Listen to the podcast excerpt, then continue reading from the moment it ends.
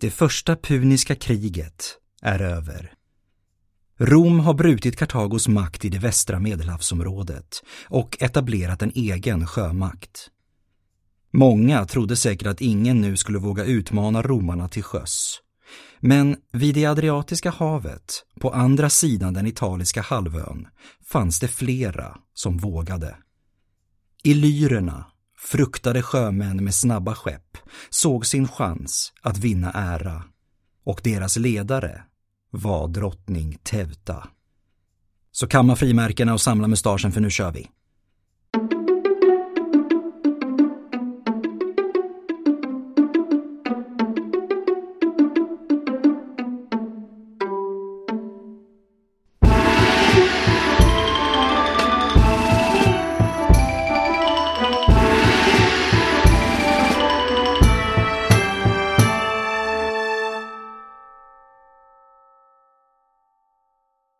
Hej och välkomna till Podius Castus, en podd om antiken.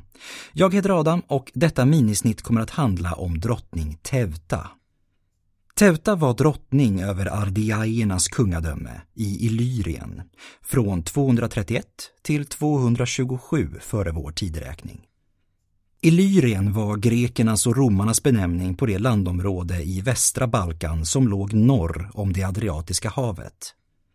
Idag motsvarar det ungefär större delen av Albanien, Montenegro, Kosovo, mycket av Kroatien och Bosnien-Hercegovina samt delar av Serbien och Slovenien. Illyrien var under antiken befolkat av flera grupper som grekerna och romarna kallade illyrer, en paraplybenämning i stil med galler och germaner.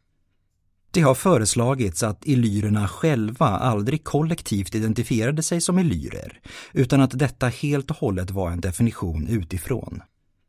Illyrer verkar faktiskt vara namnet på den specifika grupp som grekerna först fick kontakt med. Grekerna applicerade sedan samma term på alla andra grupper i området med liknande språk och kultur.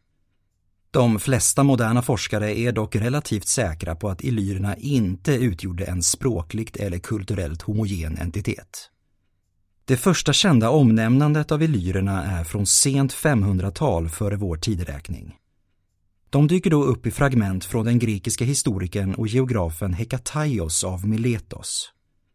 Han beskriver illyrerna som barbarer, alltså ett folk som inte talar grekiska.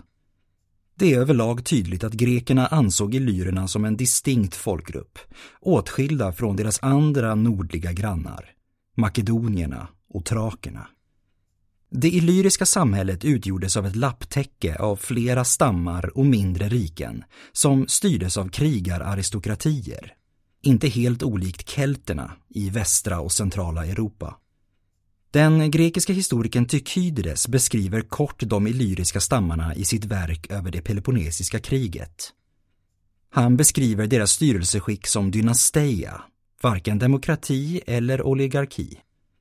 I denna illyriska dynasteia, berättar Tykydides, härskade man enbart genom att vara den starkaste krigaren. Genom historien skulle illyrerna komma att utmärka sig som sjöfarare, med ett särskilt starkt rykte om sig som sjörövare.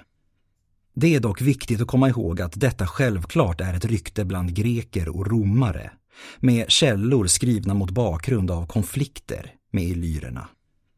Illyrerna använde sig av mindre, snabba och lättmanövrerade skepp, vars design sedan adopterades av greker, makedonier och romare. Illyrerna hade överlag ett rykte om sig bland både greker och romare som blodtörstiga, nyckfulla och krigiska, som vildar i utkanten av den civiliserade världen. Termen illyrer dyker upp som senast på 600-talet efter vår tideräkning, då med hänvisning till en bysantinsk garnison i området. Vad som hände med illyrerna efter slavernas bosättning i området är ett återkommande ämne för diskussion inom forskningen. Denna diskussion inkluderar även frågan huruvida det albanska språket kan ha ett illyriskt ursprung. Mycket lite är känt om de illyriska språken. Det enda som bevarats är namn på personer och platser, vilket åtminstone har visat sig tillräckligt för att kunna klassificera illyriskan som indoeuropeiskt. I och med denna skrala bevisning går det inte heller att spåra språkens koppling till grannspråken i området. Detta har lett till att illyriskan vanligtvis beskrivs utgöra en egen gren på det indoeuropeiska familjeträdet, i brist på annan information. Ardiajerna var en av de illyriska stammarna med huvudsäte i de sydligare delarna av Illyrien, vad som idag motsvarar Montenegro och norra Albanien. De antika källorna skapar en viss förvirring kring var ardeajerna kom ifrån. De beskrivs ha legat i konflikt med de närliggande autariaterna över ett par saltkällor i bergen vid deras gemensamma gräns.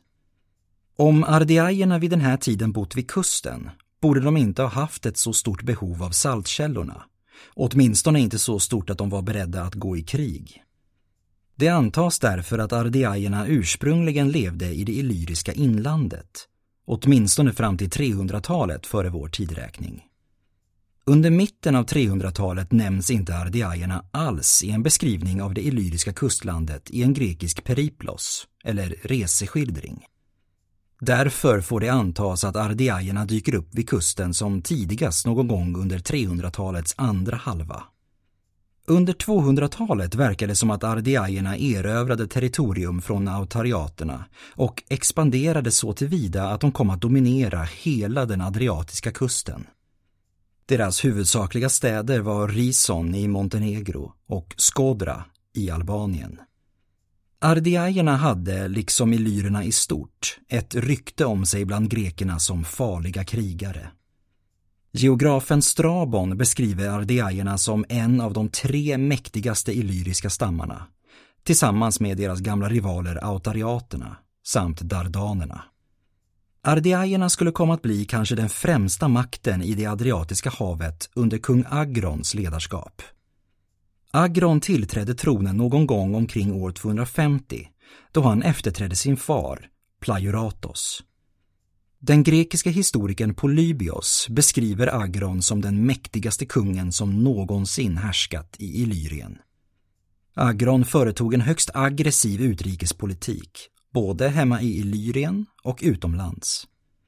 Ardiajerna erövrade delar av Epiros, bland annat staden Epidamnos, samt öarna Korfu och Faros, den senare dagens Chvar i Kroatien. Det är inte helt klart hur långt ardeajernas kungadöme sträckte sig när det var som störst.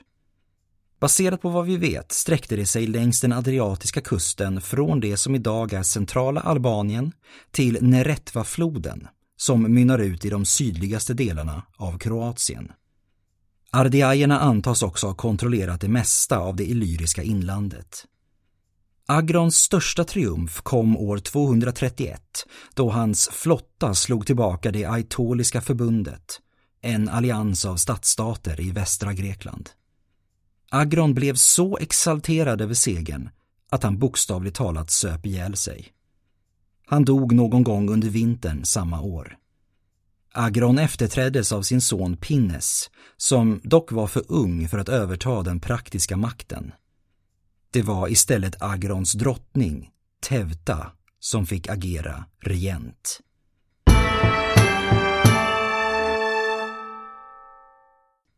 Tevta var inte mor till Pinnes. Den titeln tillhörde Agrons första hustru, Tritevta, som han senare skilt sig från. Hennes egentliga namn på illyriska var Tevtana, vilket bokstavligen betyder drottning. Namnet Teuta är den grekiska och latinska versionen. Namnets betydelse öppnar självklart för möjligheten att Teuta faktiskt var hennes titel, snarare än hennes namn. Vid sidan om hennes inblandning i det som komma skall vet vi så gott som ingenting om Teuta. Detta är egentligen inte särskilt ovanligt. Majoriteten av antikens karaktärer tycks dyka upp i historien enbart när de har sin roll att spela och försvinner sedan igen tillbaka bakom ridån. Detta gäller framför allt för de som både romare och greker kallade barbarer och särskilt om de var kvinnor. Tevta tog vid där Agron slutat och fortsatte ardiajernas aggressiva förhållningssätt i området runt det Adriatiska havet. Ganska så omgående sände Teuta flottor och arméer mot regionerna Elis och Messenien i västra Peloponnesos och på vägen tillbaka intog de staden Fenike i Epiros. Fenike var vid den här tiden den rikaste staden i Epiros och ett centrum för den växande handeln med den italiska halvön. Erövringen av ett urbant centrum på detta sätt symboliserade en tydlig eskalering av det hot som illyrerna ansågs utgöra för grekerna. Teuta intensifierade även det sjöröveri som i så hög grad utmärkte illyrerna i allmänhet och numera ardiajerna i synnerhet. Enligt Polybios ska Teuta ha beordrat alla sina skeppskaptener att behandla alla andra skepp som om de vore fientliga. Detta störde handeln i det Adriatiska havet så pass mycket att den romerska senaten ständigt tog emot klagomål från både romare och italiska allierade. Droppen som till slut fick bägaren att rinna över var just erövringen och ockupationen av Fenike i Epiros. Teutas besättningar plundrade så många handelsskepp att den romerska senaten kände sig tvungen att sända ambassadörer till Teuta med krav på skadestånd och ett stopp för sjöröveriet. Det som hände sedan kräver först en kort uppdatering kring källäget. Den mest detaljerade beskrivningen av Teutas korta regeringstid är den som återfinns hos den tidigare nämnda Polybios, verksam under hundratalet före vår tidräkning. Polybios narrativ skrevs alltså nästan ett århundrade efter händelserna och är rent allmänt fientligt inställt till illyrerna och deras drottning. Polybios egen källa till händelserna är troligtvis den romerska historikern Quintus Fabius Pictor som var samtida med drottning Teuta. Förutom att narrativet med stor sannolikhet är färgat av konflikten råkar även Teuta ut för samma behandling som var regel snarare än undantag för antika kvinnliga makthavare. I den grekisk-romerska världen tillhörde det offentliga livet och makten en exklusivt manlig sfär, med ytterst få undantag. En kvinna med makt blev därför en sorts skymf mot den naturliga ordningen, någonting som i grunden var fel. Eftersom hon självklart inte kunnat uppnå sin position på hederlig väg beskrevs hon i nedsättande termer som lömsk, opolitlig och förrädisk. Teuta var som sagt inget undantag. Polybios inleder berättelsen om Teutas regeringstid på följande sätt. Agron efterträddes av sin hustru Teuta som helt överlät styret åt sina förtrogna vänner. Hon var oförmögen att se bortom det rent omedelbara och kunde inte heller begripa vad som pågick någon annanstans, i enlighet med en kvinnas naturliga kortsynthet. Polybios redogörelse kompletteras av två senare källor av Appianus och Cassius Dio från 100 respektive 200-talet efter vår tideräkning. Cassius Dio vill inte vara mycket sämre än Polybios och han förklarar att Teuta inom citationstecken, var upprymd av fåfänga över den makt hon besatt och hade inom kort bevisat det kvinnliga könets svaghet som snabbt brusar upp sig genom brist på omdöme och lika snabbt blir skräckslaget genom feghet. Appianus är istället den som förefaller mer objektiv i sin porträttering av Tevta och han är inte lika öppet fientlig i sin ton. I vissa hänseenden verkar till och med Appianus version av händelseförloppet mer trolig än den som beskrivs av Polybios. Till exempel historien om senatens ambassadörer. Polybios förklarar att när de romerska ambassadörerna anlände i Skodra, ardiajernas ena huvudsäte, fann de drottning Teuta firandes ett nyligen nedgjort illyriskt uppror. Tevta ska sedan ha förklarat för ambassadörerna att sjöröveri var en traditionell illyrisk sedvänja som hon inte hade för avsikt att stoppa. Det var enligt henne i direkt motsats till de illyriska kungarnas sed att hindra sina undersåtar från att vinna ära och rikedom på havet. En av ambassadörerna ska då upprört ha svarat att Rom minsann skulle göra det till sitt uppdrag att förbättra förhållandet mellan illyrerna och deras kungar. Detta eftersom det var romarnas sed att straffa dem som handlade omoraliskt. Detta inte så särskilt förtäckta hot var tillräckligt för att ambassadören skulle mördas, enligt Polybios på Teutas order. Denna ytterst färgrika beskrivning tonas ner en aning i Appianus redogörelse. Appianus förklarar att ambassadörerna tillfångatogs och dödades av illyriska skepp innan de ens landstigit i Illyrien, samt att detta skedde medan kung Agron fortfarande var vid liv. Appianus menar alltså att mötet mellan Tevta och ambassadörerna aldrig ägde rum. Oavsett vilken beskrivning som ligger närmast verkligheten betydde de döda ambassadörerna endast en sak. Illyrerna hade begått ett ödesdigert misstag. Rom hade fått sitt casus belli och förberedde sig för krig. År 229 före vår tideräkning förklarade Rom krig mot drottning Tevta. För första gången korsade romerska trupper, omkring 20 000 man, det Adriatiska havet och landsteg i västra Balkan. Den romerska attacken verkar ha kommit som en överraskning för Teuta. Hon hade nyligen beordrat en omfattande expedition mot det grekiska Korkyra, vilket inkluderade det mesta av hennes flotta. Detta styrker för övrigt ytterligare Appianus redogörelse eftersom mordet på ambassadörerna då mycket väl kunde ha gått drottningen helt förbi. Korkyra erövrades, men när den romerska flottan plötsligt dök upp råkade Tevta ut för ett förräderi. Hennes befälhavare Demetrius valde att göra gemensam sak med romarna. Demetrius beskrivs varierande som grek, halvgrek eller illyrer och styrde över den grekiska kolonin på ön Faros, dagens Chvar i Kroatien.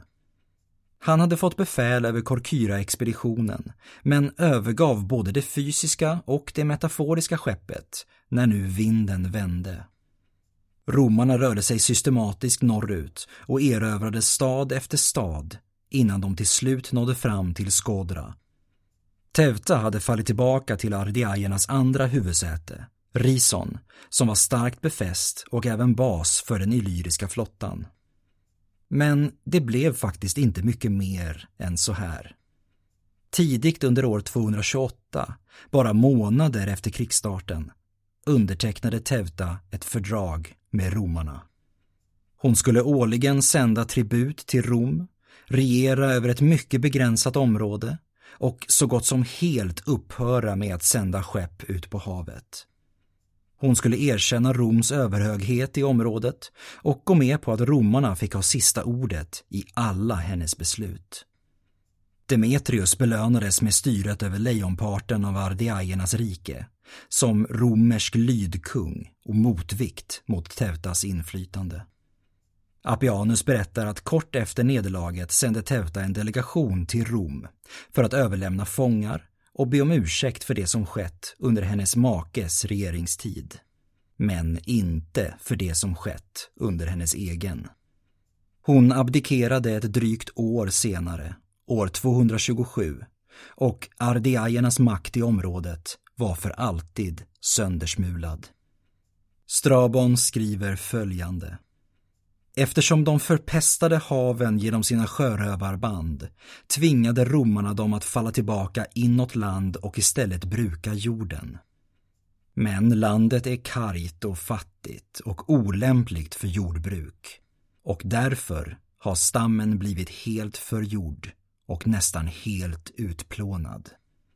Och det är Polybios som får sista ordet i berättelsen om Tevta och ardiajerna. Romarna befriade grekerna från hela mänsklighetens fiender.